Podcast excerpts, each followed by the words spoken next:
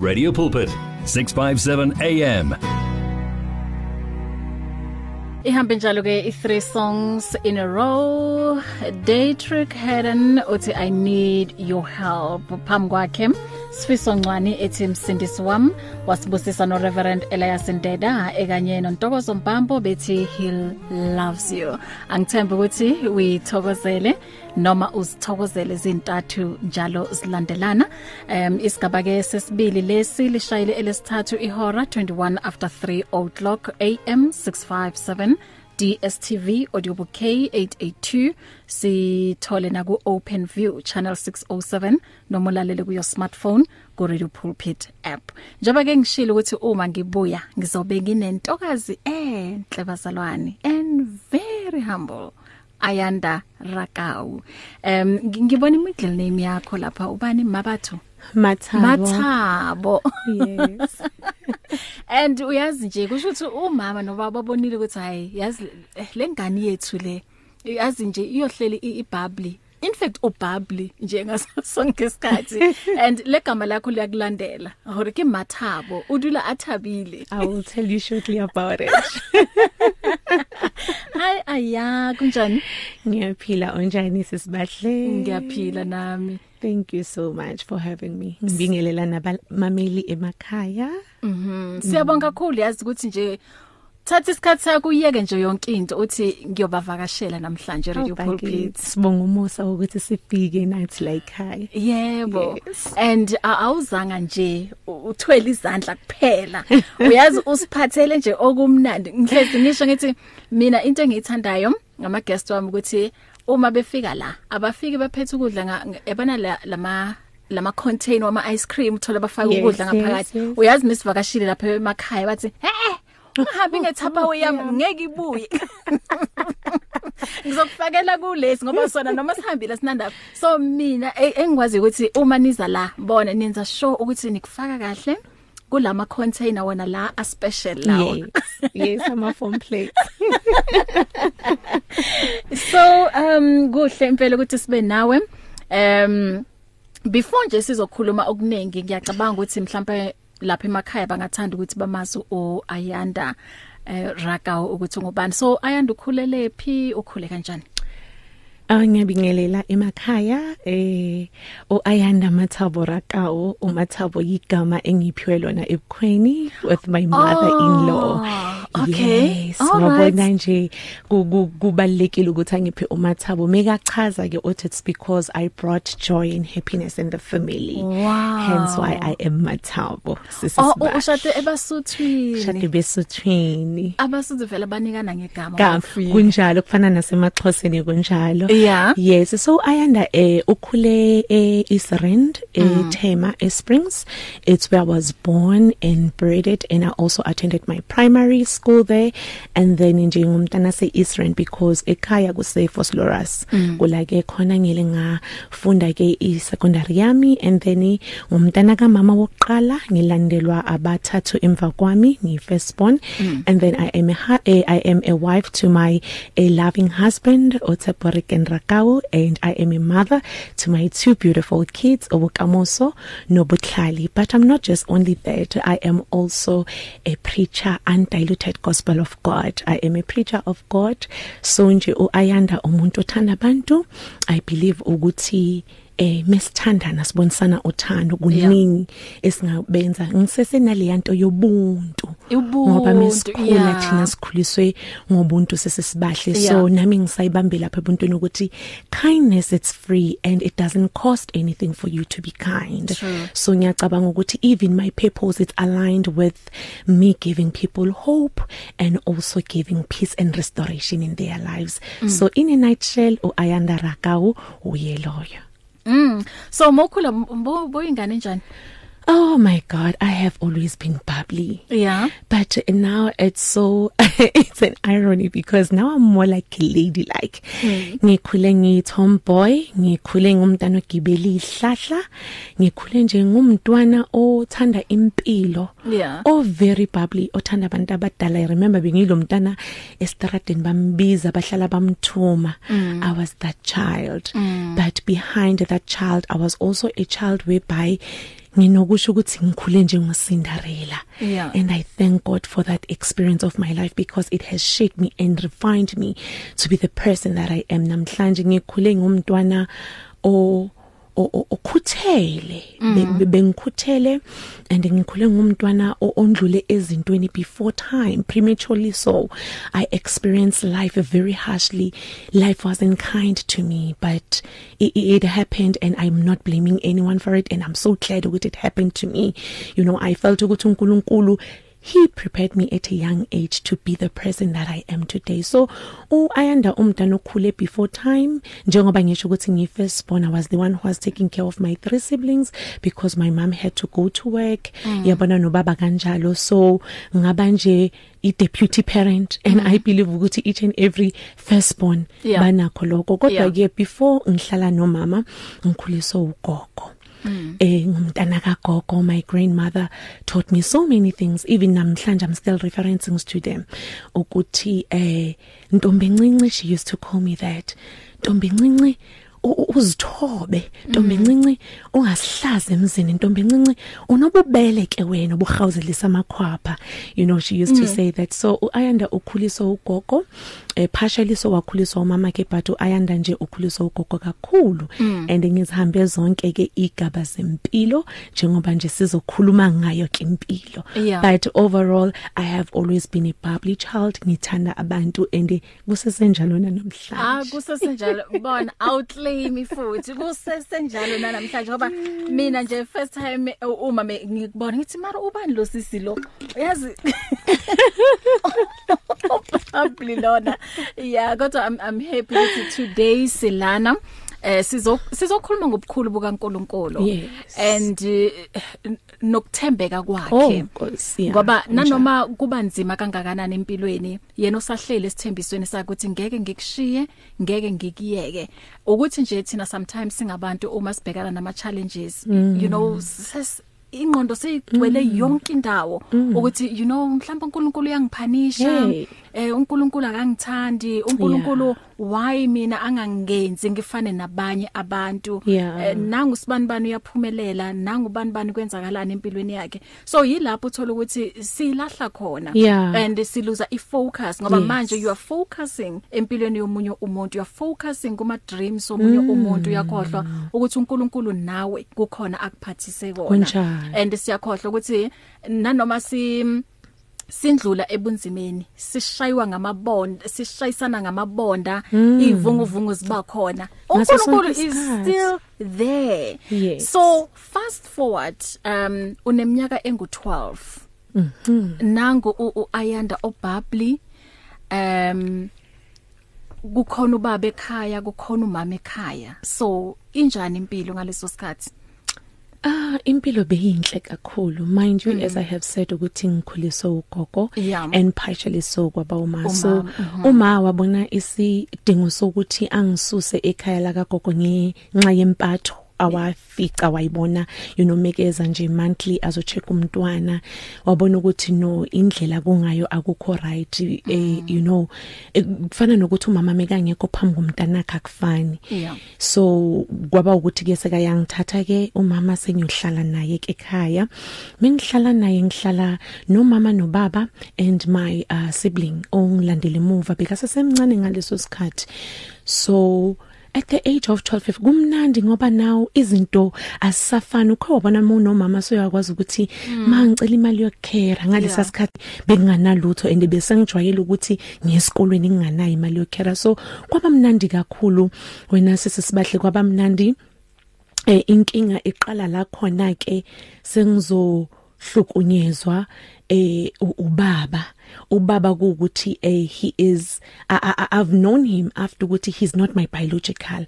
But ngikhula ubaba ngoba ngikhulisile ngazi umama vele ngikhulela phambi kwababa ngazi kubabami very loving person. Yabo and naleyo bond nje of a father and daughter ibikhona kakhulu. So ngama school holidays eh kwenzeka ngina 12 at that tender age eh wena sisibahle ukuthi ubaba waqala wangimolesta wangifaka umunwe ngaphambili ngentombazana nje ebubbly ngisese confused lokhu kwenzeka umama eh bekayishef uma and bekasebenza nangama weekend kuyenzeka on school holidays ikolo zivaliwe. Being me being a child that I am you know eh I, mean he's my father. Uyangibiza sisi iza ngapha ekamereni? And ngempela vele ngizafika athi ayihlala lapha ezigombhede ngihlale ke phezulu kombhede ngibuze you know innocent baba yindaba you know with my personality baba yindaba uthini? I remember i think beku uh, around boma half past 11 eh to 12 eh bese ngiqedile nje amachozo wasendlini sengihleli nje sengigijimela istradi leyo ukuthi ayisodlala amathina nemigusha. Angibize ke i was wearing my jean skirt and an orange eh, crop top besibiza ukuthi umavesa sibhono.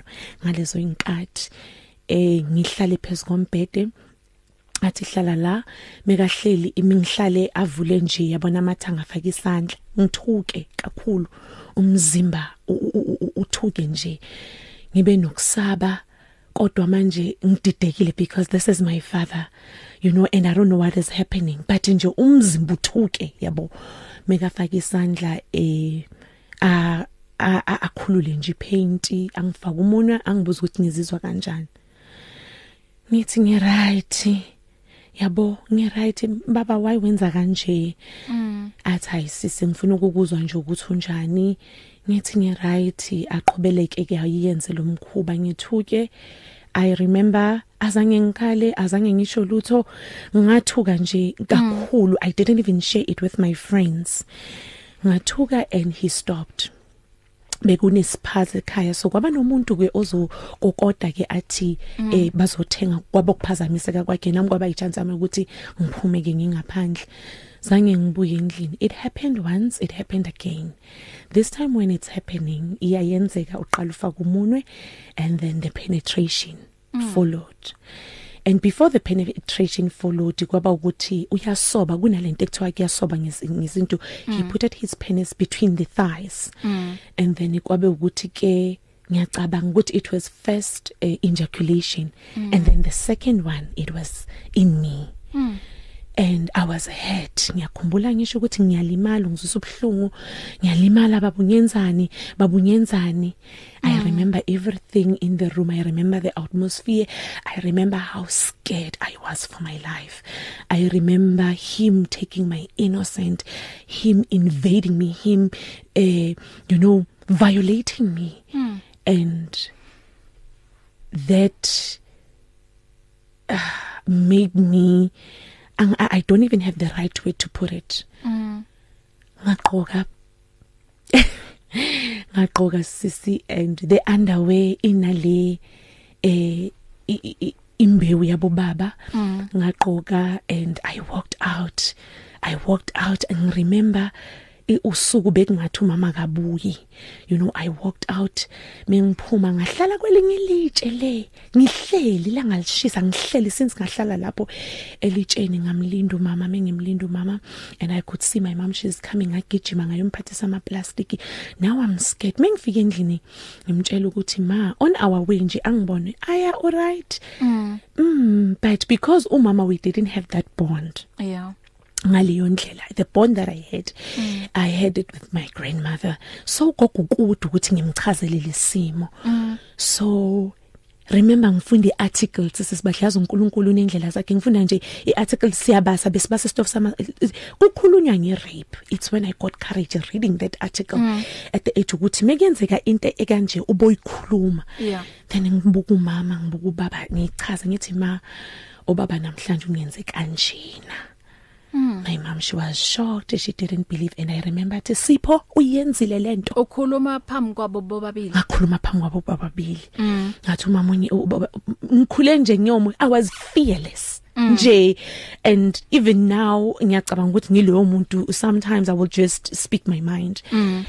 ngathi baba ungenze kanjena and ngithukile and my mom I look at her and she was like Sipho yenzile lento and my dad looked at her wabheka phansi wathi hayi ngayenza kanjani ukukhohlakala kunjalo emntaneni ungithatha kanjani? Mm. lo mntana khona manga ukhuluma manga. And my mom she look at me and I cried. Mm. and I cried ngathi mama ukwenzile lokho? Bengike mm. ngize ngiqamba manga. My mom was confused because now yilo mntwana aze naye emshadweni yeah. and yile ndoda ayithandayo eh e- e- e- e- e- e- emshadile you know and kwabizwa one of the elders wasenkonzweni kwathiwa sicela ukuthi le ndaba ikhulunywe isimo sinje. I remember i remember her saying angazi noma yiqiniso na. Kusho bani? Uma. Okay. Kodwa uayanda uthi kuso kuso so ngicela nikhulume nalo baba wala endlini njengoba nikhonza nimbonisa ukuthi manyala mani lawa wayenzayo and it was concluded. Kwaphela nje ngalolu suku and my mom she called me as she was like sissy never never never again talk about this thing. It is a disgrace to the family. No one should know about it. If ufuna ukuprotecta ikhaya la endlini even if you tell it you know umuntu omdala meka kuvalele khoneni manipulator and a- abeka isimo okuso indlela esimbi ngayingcole ngayo. You don't even have to tell any of your uh, uh, friends. You should promise me. And i remember i said yeah ma ngeke ngize ngitshele umuntu what because if you tell these people they will laugh at you. They will see you like you will be nothing you know and they will use that against you. And mm. those words they were instilled in me and they they, they stayed they stayed in mm. me mm. and yazi kwaba ngathi nothing has happened no resentment towards my father nothing fast forward after 18 to 19 years sengishadile sisesibahle nginomntwana my firstborn impilo i right with my husband now these things they are coming back mm. ngathi kuyenzeke izolo when we have to be intimate and now I'm scared. I'm making excuse after excuse. Mind you when I was 12 it was instilled in me ukuthi hlazo you should never tell anyone. mm, mm, mm. and looking the bond that my husband have with my uh, with my father bayazwana nje.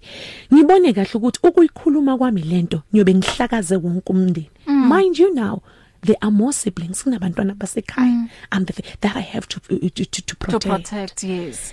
Kodwa ekugcineni sesisibahle ngathi what about me lord?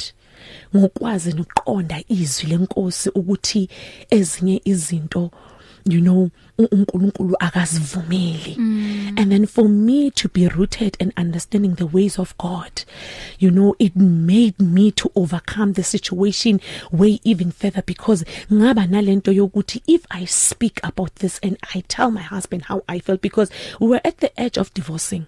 Mm. we went for a year without being intimate with each other. Mm. abuza.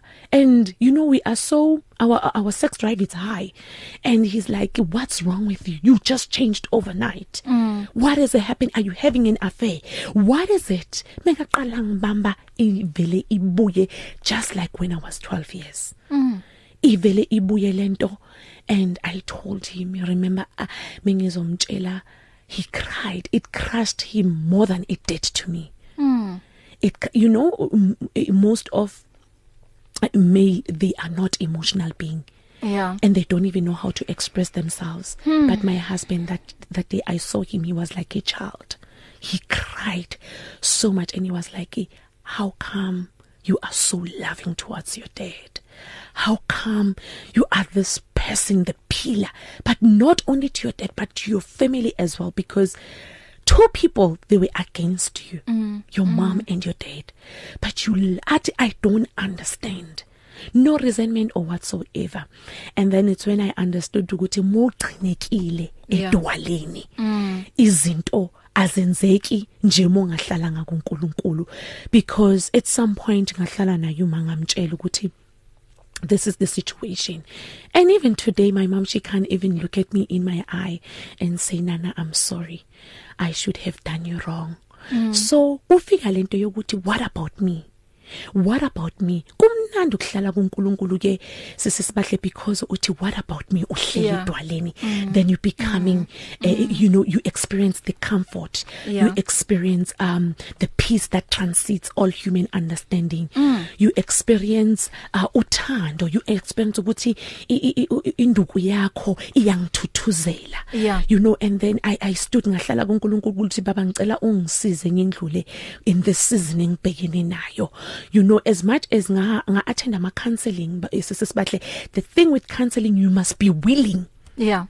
You must be willing to heal and mm. healing it's a process Yeah. process that doesn't happen overnight so for me the difference for me to forgive easily i was willing to let go and close the chapter mm. because i have realized ukuthi it is not worth it to carry this burden to me Yeah. ayingenzeli ayingisiza indawo ayinginikeza ukujabula kodwa ngithwele umthwalo kanti lithi izwi lenkosi all those who are troubled they should cast their burdens unto me. Mm. you know when i- i- enkonzweni kukhulunywa wona lawo magama i was that person ozohlala ngizwe ukuthi inhliziyo yami iyasinda.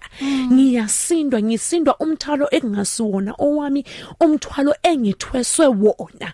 Ngoba kwathiwa mina thula ihlazo lento Yeah, so yeah, i'm carrying yeah. this secret in me when i'm sisibahle a secret to protect everyone but myself.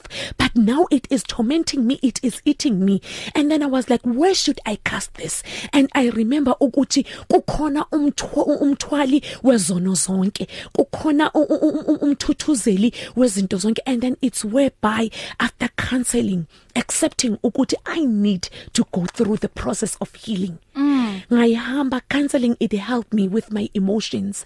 But in spirit still i needed god to intervene for me. Yeah. i needed the the the holy spirit to enable healing. Ukuthi iyenzeke because holy spirit did that for me. Yeah. he enabled me to forgive wholeheartedly without even looking back and say ngiyamthanda babam Yeah. and ngimxolele hence today i'm sitting here with you giving a testimony. Ngijabulile because yile yokuthi it is possible. Yeah. it is possible through profession uh, professionals ama psychiatrists and psychologists. It is also profession uh, uh, i mean Possible, possible yeah. with god and the holy spirit because he enables you ukuthi avale that chapter completely. Yeah. so god did that for me.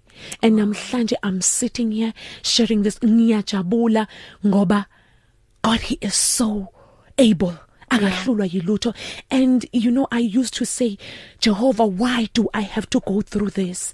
Why mina? Kodwa uNkulunkulu wangikhombisa ukuthi you are not the only one mm. who went through and it, pro- po- possibly you're not going to be the last one ozondlula la. But umehluko ukuthi wena la ukhona uthole bani. Ngoba mina kwathi mekukhona yena hence why ngini khona namhlanje ukuthi ngifike ngizoshare ngoba ngiphethe uNkulunkulu okwaziyo ukuthi ayenze indlela yokuthi hamba uyoba yisibonelo upholise nabanye Yeah. so okwami u- ukulimala namhlanje i'm standing here kupholisa abaningi Yeah. because i remember one of the platforms ngangishare about this and it has also impacted many people i got ama DMs Mm. Eh sisibahle ku ku- ku- ku- kuma social media platforms I got DMs and it's something that I'm doing daily if you can see my social m- i- i- it's it's flooding. I'm calling them. Ngibatshela ukuthi it is possible. So it was another form of ministry Yeah, ukuthi abantu yeah. mabaphole. So ngayekela ukuthi Jehova why me? But ngathi baba ngiyabonga ngoba ngiphola nginawe ngiphola wena bowazi ukuthi ngizopholisa abanye abaningi. Yes Yes. yes. And njoba usho ukuthi i ministry because bakhona abaningi okuwukuthi umuntu ukhula nayo lento i secret and akazi ukuthi akhulume nobani and omunye uyasaba ngoba uyazi ukuthi bazomjaja. Yeah so uma ekhuluma nomuntu okuwukuthi uya relate nento akhuluma nayo Yes. kuba lula you know ukuthi kwenzakaleni. Yes. and you know ukuthi family nge- ngezinye izikhathi bayithatha kanjani lento Mm. as as you said ukuthi umama uthe bona. Mm. awuyoyikhuluma lento into yomndeni.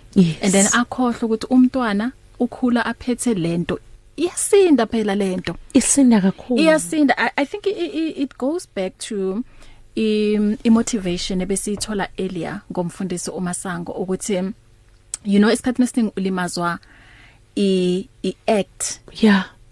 Yeah. Ukuthi ubani Yes. okwenze lento Yes. phela wena that that man he was supposed to protect Protect you me. that man he was supposed to you know abonise uthando kodwa Yes. wena u- ubone i opposite Yes. so ulinyazwe yiyo kakhulu ukuthi mara why yes why me Yes. umama ukhona so why me yeah it is a, an act an expectation. Yeah. Because as people we've got expectations. And remember especially when you are a child your child expects you to love them. Yes. your child expects you to, to protect them. And it, that's how it should be. Even the role of the man or the head of the house is to protect. Yes. you know those are the principles of God. Ukuthi indoda kumele ivikele umndeni but with me I was violated. Ubaba wakwenza but my mom ingxolisile kababa kakhulu but my mom. Yeah yeah yeah, yeah it goes back yeah. yeah. to what you just said ukuthi the act yakamama. Yes. The support was not there. Remember now mengikhula it gave me so much comfort yokuthi he's not my dad.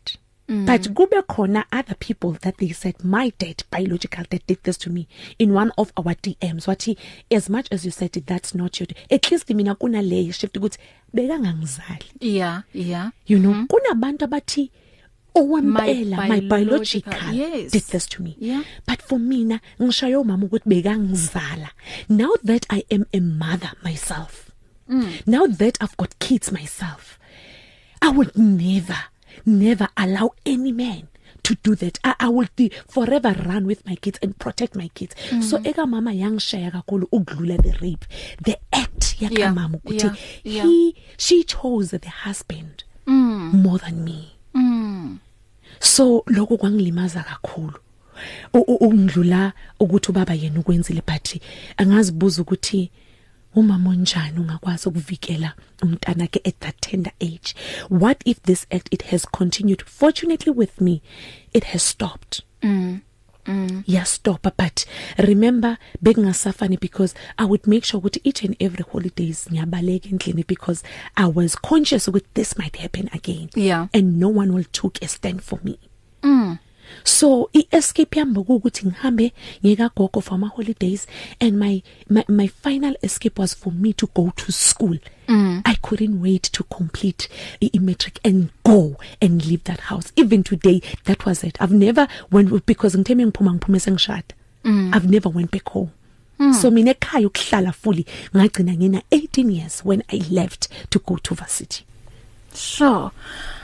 Kodwa um uNkulunkulu esimkhonzayo ngempela unguNkulunkulu wapholisayo amanxeba. Today upholile. completely Yeah. So unguJehova Rafa, yes he is God our healer. he is he is Isikhathi sithini manje 1548. Usis ayanda ngizomdedela ngo 10 past 4. So uma unemibuzo noma kukhona uthanda ukuxoxa naye ngicela ukuthi ngikunikeze leli thuba.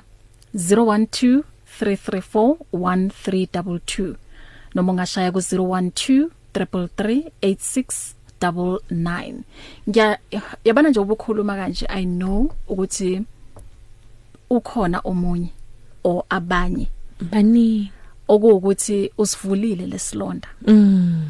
And then uthi but ngiyambonga uNkulunkulu ukuthi kusho ukuthi usuku lolu mm ob- o- o- o- obekumele lento ibuye futhi and then adile nayo because sometimes nokuthi izinto sicindezele yes. And then thinking ukuthi you know I'm healed I'm okay Mm. eh monabantu you will smile you, you know wenze zonke lezi zinto kodwa uma uwedwa mm lento iyabuya futhi kuwe because awudilanga nayo kahle Yes. i'm happy ukuthi wena uye wathatha i step eh wabona wa- waya ku therapy and i'm happy nanokuthi uye wahlangana nomlingani yeah okuwukuthi uye wa- wakunikeza le support yeah ongazange uyithole Yes. ekhaya Yes. so that man big ngim- ups to ngimnikeza him. bona. And and to s- Yeah. to to speak of that eh when uh, sisi i- i- bahle it's very important yeah.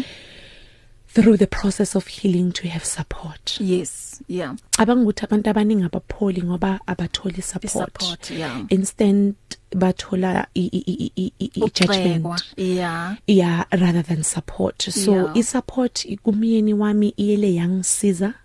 Yanginikeza ithemba elisha Yeah. and coming from a man yeah remember I was mm. violated uh, by a man mm. and when he gave me that wanginikeza lokho loko iclosure and comfort ukuthi you know I can still love men I Yeah. can still love my dad mm. as much as ngimthanda naye because one man wavala wa rectify i mistake Yeah. yawo wonke amadoda so my husband he played that role in me ukuthi uzokhona ukuphola because mina I am that different man ozokusupporta mm. ozoba there up until uphole mm. and the, the the process of maybe we should speak about the process of healing sisibahle i- it's not easy Yeah.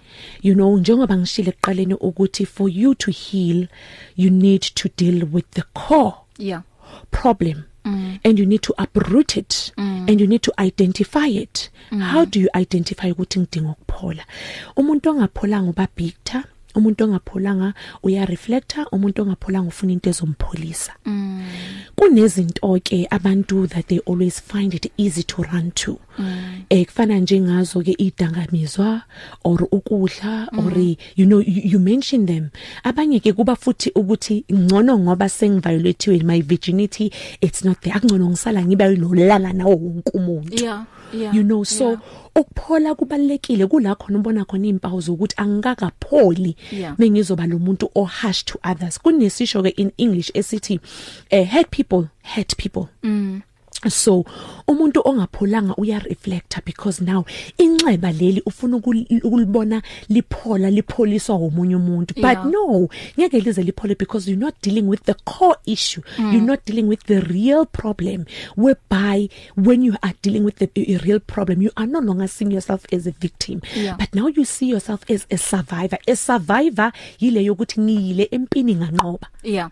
Yabona so you need to look at the situation. You need to look at it and deal with it ukuthi is it really worth it? I remember asking myself that ukuthi is it really worth it for me ukuthwala lo mthwalo ongaka?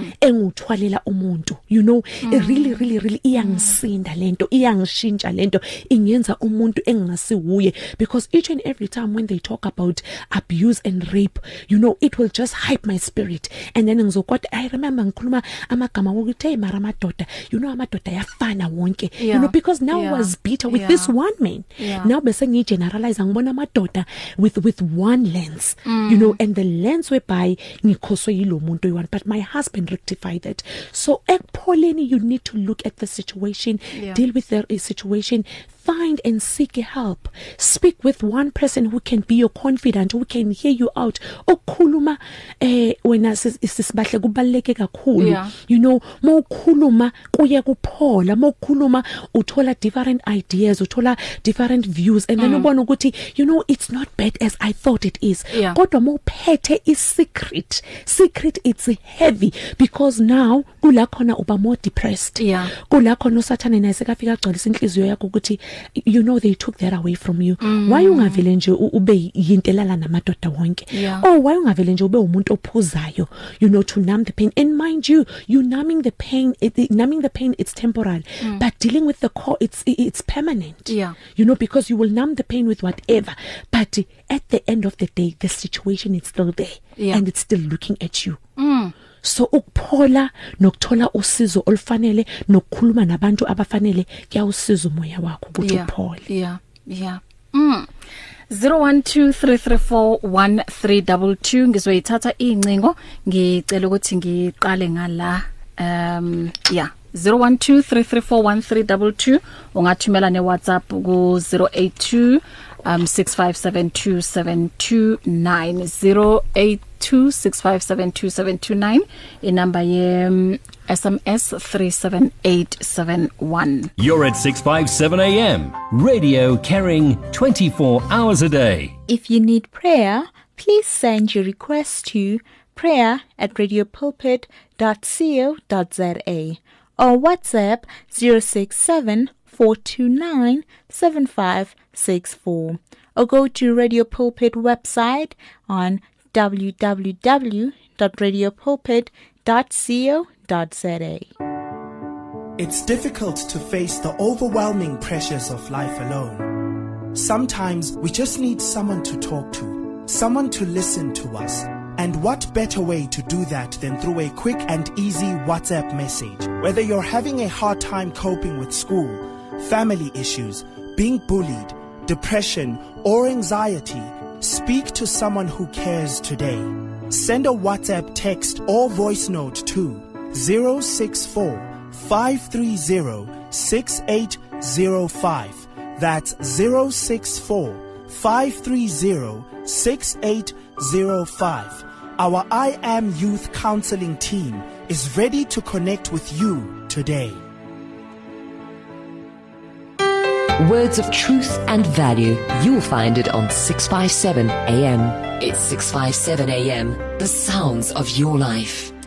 Sijula ngezwi kuzokuyoshaya u5 o'clock kwamanje isikhathi sithi 4 before 4 o'clock ngino sis Ayanda eh Ragau ebeshare ke i testimony um ngobunzima nje andlula kubo 0123341322 um okay sekahambile ngala uzobuya futhi 0123341322 um okay nangobuyile sawubona Dumelo semoyeni Eh sawubona bahle again. Yebo bafila kazi.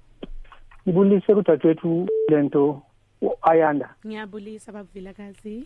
Ngiyabulisa kakhulu nkosazana. Ngithi lo nkulunkulu simkhonzayo muhle. Mm.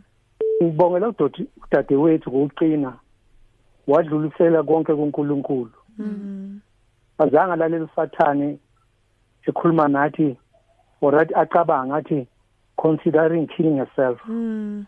waqina azange afune ne revenge Yeah. walalela izwi wakhetha i forgiveness Mm. Mm. wakhetha ukuba victorious and heal other women namhlanje Amen. namhlanje uyithemba kumphakathi ohlangana nalezi zimo Yeah. ngoba iphelela ngako isaqhubeka lento Mm. ngiyabonga kakhulu uNkulunkulu akubusise dadewethu ayanda uqine to God be the glory Amen. Amen. Siyabonga bafila kazi. thank you Wow. Um umfundisi uMondle Dlamini lapha ku Facebook ya ungathumela nemessage yakho noma umbuzo wakho epage lika Bahle Nhlapo ku Facebook uthi painful story by Ayanda but we thank God for the courage he has given her to rise above the awful experience. Um uthi ke since the relationship with her father is restored how does the father feels about Ayanda sharing his testimony publicly? Okay sizobuya siphendula ngicela ukuthi siye la futhi elayinini. Um sawubona Dumelo semoyeni? Sawubona? Sawubona? Siyaphila njani baba? Siyaphila. Wena unjani? Hayi siphile kamanje man. Ewe tata oh testimony ishisa kangaka isivule amehlo. Mm. Kakhulu ba ezinto zisaqhubeka. Eh mkhaya wami isesprings kumkhaya lowo amandla wakhe makhulu kakhulu inkulu into opportunity ba usivule amehlo. Siyacela ukuthi nyani sihlale sivu- sivulekile njengamanje. Siyabonga. Oh ah. uNkulunkulu abusise. Siyabulela tata. U- ukuphi nendawo usefoslo? Isesprings Mrs. Springs. umkhaya wami lo Enkosi ke tata. Izali ekhaya. Siyaphila khonto tata enkosi kakhulu.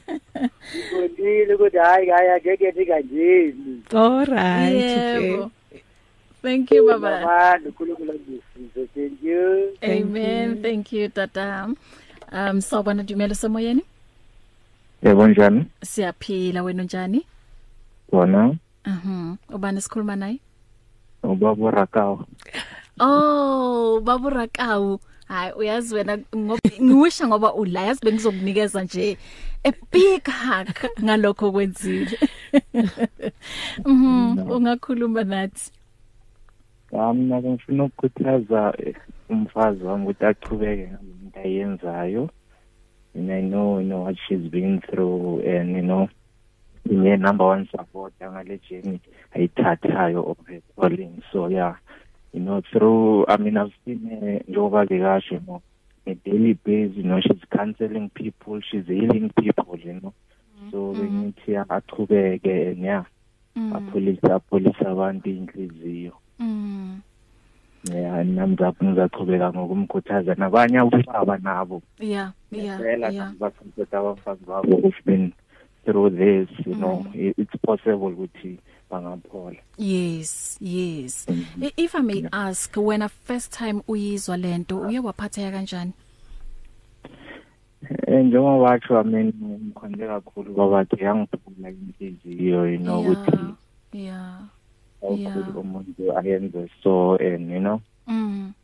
Yeah so yangiphula kakhulu inhliziyo. It took me time nami ukuthi ngimcolele bese ngamcolela because yena wamcolela so nami ngakhona ukumcolela but hayi bekubuhlungu kakhulu Yeah. you know we want that to happen to anyone you know. Mm so uh, uh, but yeah. Sesandlula senandlula yebo. Yo yazi si sidinga abobaba bafana nani? Abobaba okuwukuthi always baz- bazosupporta so uyibambe kanjalo babragawu ngiyabonga bless you. Wow. Um 0123341322 okay ithi ngiye la kuma WhatsApp messages. Eh usisithili Monkwe uthi sis Ayanda Rakau I wish I could give the 12 year old Ayanda a hug.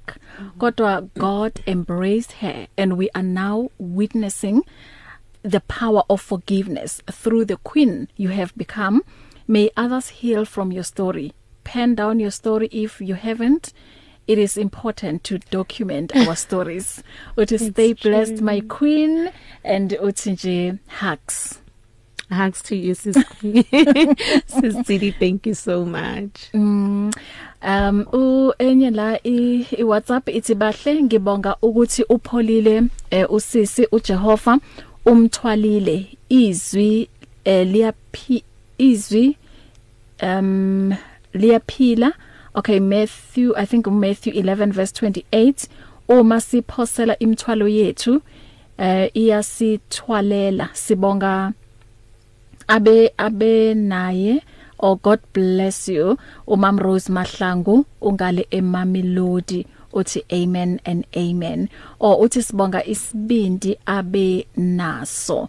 Okay siyabonga kakhulu kumam uh, Rose uh Mahlangu eMamelodi um ubabu Mko uthi I just want to appreciate Ntate Rakau for the support he gave to his wife. He is an amazing man. May you stay blessed my dear brother. Hey Ntate Rakau mm. yeah okay ngicela sibuyele kuleka mfundisi uMondli Dlamini ukuthi um I don't know u- uyazi ukuthi mhlambe iyakhulunywa le ndaba Oh yes, mm. because as we're speaking, Yeah. I've been, you know, uh, there, there was one before this um, uh, interview. There was another one, you know, whereby the, the heading was like I was raped by my dad, and mm. it was I was po- eh, posting it to WhatsApp, yami, social media, and all of that, and my siblings, mm. you know, so kuya la khona ukuthi it's no longer about uh, protecting Him, the, yes. yes the perpetrator yeah you know but also to to speak and for me to forgive him he also understand that he needs to forgive himself yes more yes. than anything else because the men and even now even now my dad is such a loving you know husband he's a loving father to my siblings mm. you know. Laba bangilandele emuva kunentombazana phakathi and unenye bond you know with with with my sister. So uh he knows about it mm. but ngiyacabanga being typical uh, parents kusenzima ukuthi babuze but with me I spoke about it and I told him I have forgive you for your acts. Yena wake And waxolisa kuwe? he has never and I'm not expecting it. Um I'm not expecting it and ngiyacabanga ukuthi that's why nginje because forgiveness it was for me Yes. not for him yeah yeah so yeah. more than anything else forgiveness was for me hence I'm saying he also need to forgive himself, Himself, yeah. then the day he has forgive himself he will have a courage Yeah. to come and say I am sorry Yeah. then you will know what he has healed. So clearly he hasn't healed himself Yeah. with his act. And ngiyacabanga ukuthi uma ezothi uyaxolisa kusho ukuthi uzobe evuma iphutha. Yes. Yes. Ay kodwa sizofika isikhathi. Sizofika yeah. okay ngicela silalele la i voice note kamama. Ngiyabingelela sisibahle egameni likajesu. Nami ngomunye umama ukhe warejwa. Arejwa kuseseyintomozana ebusuku ngibe emsebenzini. Uma ngifike ekhaya ngibatshela lo muntu bekazivala ibuso ngikhupha hedi uma ngifike ekhaya ngibatshela bahamba bayombheka bambuza waphika. Watshela ama-comrade wathi mina ngimreyibhile bagcwala ekhaya. Azange sikhona ukumbophisa. Bathi mangahamba ngiyombophisa bazoshisa umuzi wasekhaya neveni yasekhaya. Sibahle kwakhosa ukuthi ngivikele umuzi wasekhaya ngomzimba wami. Ngaba pregnant umntwana wentombazane. Ngavikela umuzi wasekhaya ngomzimba wami. Okubuhlungu buhlungu ngabuzwa. Umamami azange angisapoti umama wami bekangithethisa njalo. Athi ngivumele isitha sami ukuthi singirape azange ngithole isapoti kumzali wami. Bathi sibahle ngibonga unkulunkulu ngibonga insindiso kusindiswa kwami. Ngasizakala ekusindisweni nokumamela iradio pulpit. Ukuthethelela ngicale ukuthethelela ngokumamela iradio pulpit ngasizakala. Ngathethelela isitha sami kwabe ukusizakala kwami. Noma umntwana ami ngima sengimtshela kube nzima kuye. But ngibonga unkulunkulu ukuthi sisizakele manje. Ngithethelele ngiyakwazi ukukhuluma nangayo manje lobuhlungu buphelile ngoba uNkulunkulu uNkulunkulu wedeliverance. Ngiyambonga uNkulunkulu empilweni yami. Ngumamsimelane amen. Amen amen mamsimelani siyabonga ukuthi nawe ube nayo um leyo courage ukuthi ushare ngoba hey you know ngezinye ikhathi yazi nginokuhlala ayanda ne? Yeah. Ngiyibuze ngithi mara umuntu owenza isenzo e- esifana nalesi ku- kuqala kuphi? And u- u- ucabangani and uyamcabangela yini lo muntu lo? Especially usese innocent. You, you were only 12 years. Mm. so awazi lutho. You are just a Yes. bubbly kid you know? Okay it is oh okay uhambile. Bekunomunye la beka bekathi uyangena okay evangelist Mabakang Ndaba wakonkejani uthi ya ungu Jehovah Rapha uh, is our healer indeed. Yebo kunjalo. Yebo kunjalo. Mhm Yeah, uh, sesisibahle ngiyacabanga ukuthi you know um bona labantu abayenza lezi zinto ba- ba- ba- badinga usizo. Yeah Eh badinga usizo nabo badinga ukuthi baphole Mm. and um ubu selfish we cannot justify it any Yeah. further ubu selfish ukukhohlakala and nje nabo badinga ukuthi bapholiswe Yeah. khona labalimele khona Yeah. because clearly umuntu o- o- o- o- o- o- o- onothando umuntu ophilile Mm. you know kahle e- ekhanda wouldn't do such an act Yeah. so they also need to heal yes you know yes mm asithathe umunye sawubona Dumela Sawubona Hello, Radio Pulpit. Hello mama Sicela Hello. usicishele radio ukuze sikuzwe Um okay Hello. Yeah Yeah. yeah yeah siyakuzwa manje ungaqhubeka mas ubani esikhuluma naye kuphi Ntombi ngise Orange Farm mina nami ni omunye odlule kulezo zinto mama. Like mina nga rape ngina 2 years. After 2 ye- ngina 2 years ku rape ngaphinde ngazo rape amasengi na 5 years ngu South A ngaze ngafail. then isikhathi sahamba sahamba ngakhula kwenze ukuthi ngih- ustepfather sami nomama wami bebengihlukumeza kakhulu ngafuna my biological father mangifika kuye naye uma uma ngimthola naye wangirape for 3 years. So angikakapholi because even ifamily yangibonda kubomama bangifuna bonke. They gang against me. I'm rejected. I'm staying alone but I, I, tr- I trust god. And ngibelieve kakhulu uKristu uyongisizayo though ku- ku difficult i still need abantu engakhuluma nabo because akekho umuntu ongizwayo. So like umama ngiyabonga testimony yakhe but i- kubuhlungu mama. If i can explain to you ukuthi mabengirape ngi-two years abantu abarape abantu aba- abantwana abana-two years. They damage your brain bekungathi ngibhoboka ikhanda ma. So into eb- into ebuhlungu umama mina ongizalayo yena lo fanele angiprotect uyonginikeza ezitheni futhi uhleka ngami uye ongenza into ezibuhlungu wes. Namanje uyangizonda akangifuni akang- akangincedi nanix uyeza uthathe yonke ifenisha wahamba. Waya kumntana kithi lasibhoni ngihlala ngiyi-one ungishiye nendlu eyihholo engenanix mama ngicela ningikhululekise ngiyabonga Oh, uneminyaka emingaki khona manje? I'm 45 years. Oh, kodwa yo. Anginamntwana, angashi angashadi. I was trying ukuthi ngiphile life e right. Ngimuntu okhonzayo ngiyamthemba uNkulunkulu but into engidlula kuzo zibhlungu.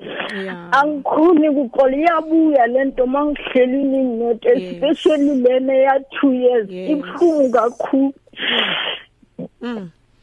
Ngiyabonga bumama. Um mama, u- usisi Ayanda uzoshiya inamba yakhe before azophuma lana ne?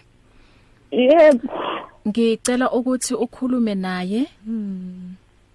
Ngiyacabanga ukuthi ikhona indlela okuwukuthi angakwazi ukukusiza ngayo.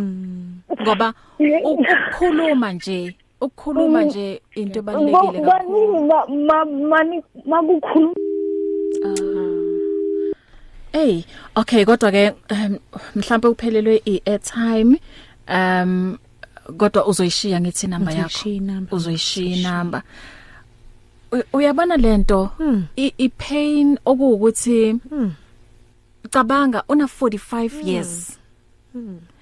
But lento ukhuluma ngayo ngathi into yenzake izolo.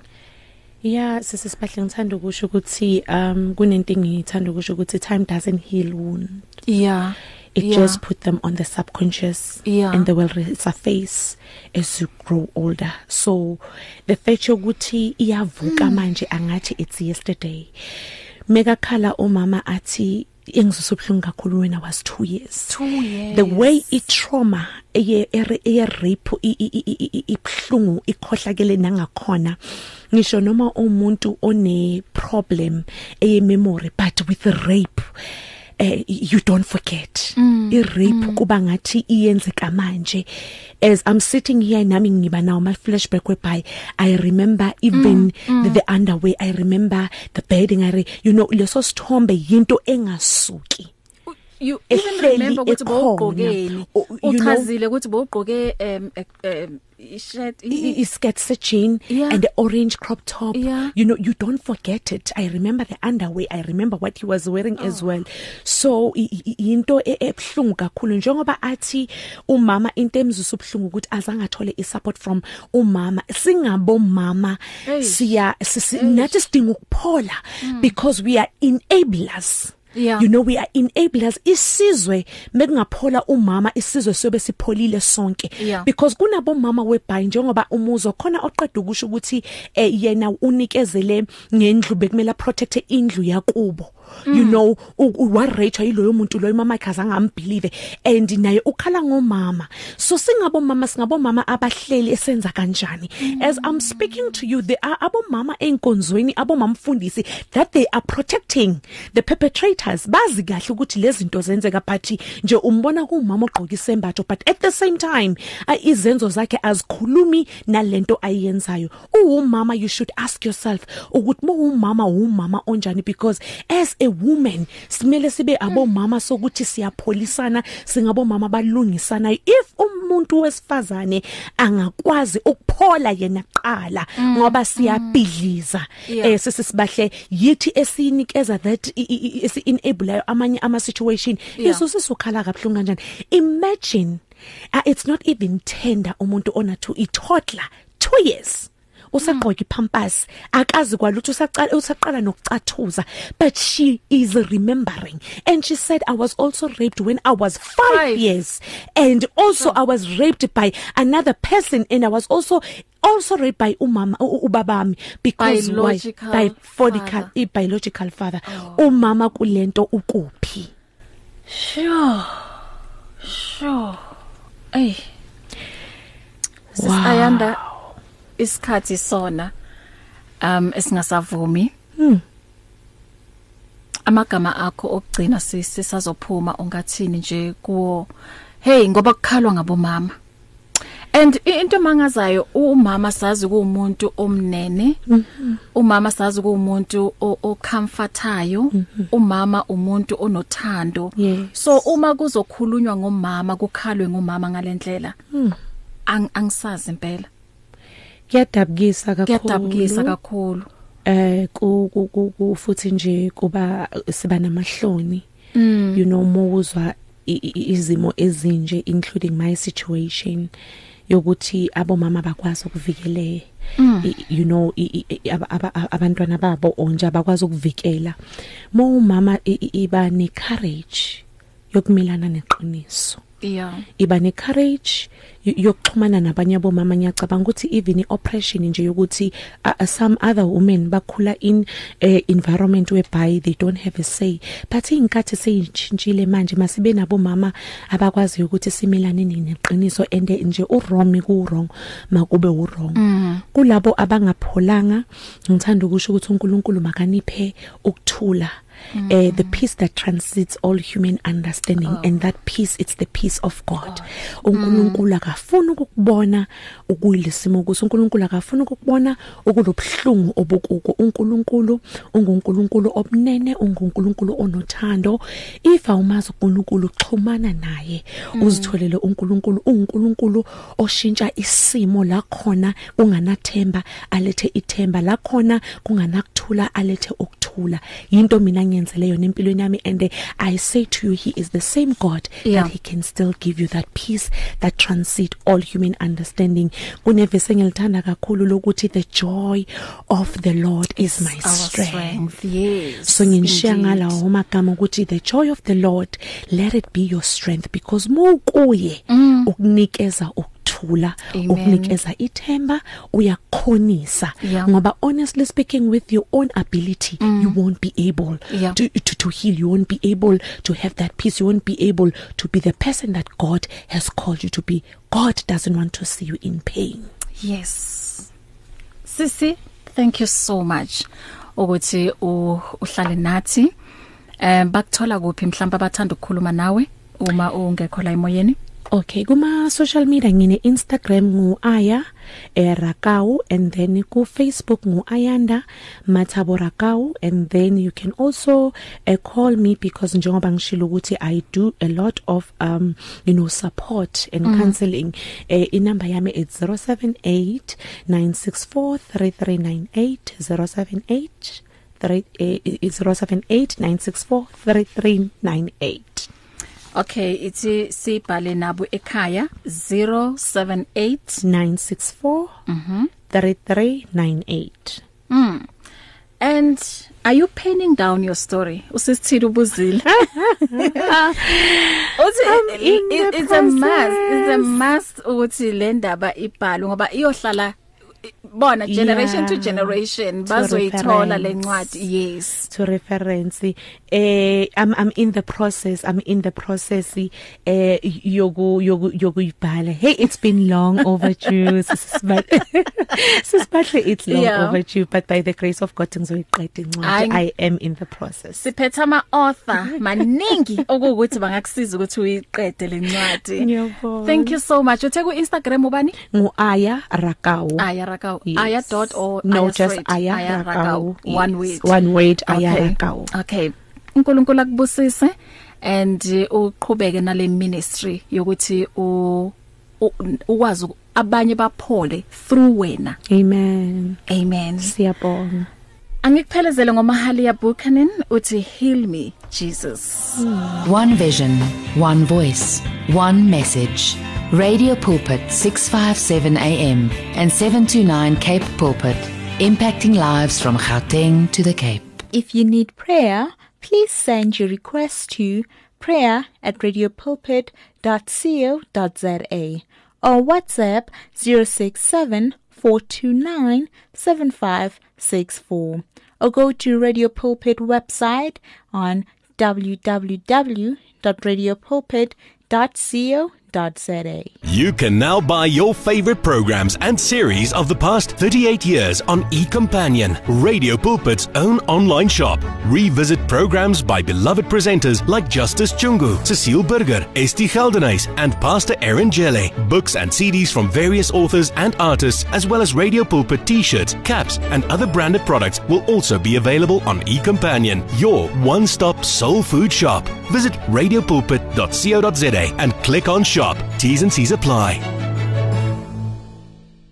You and 657 AM and life, a winning team on the road to eternity.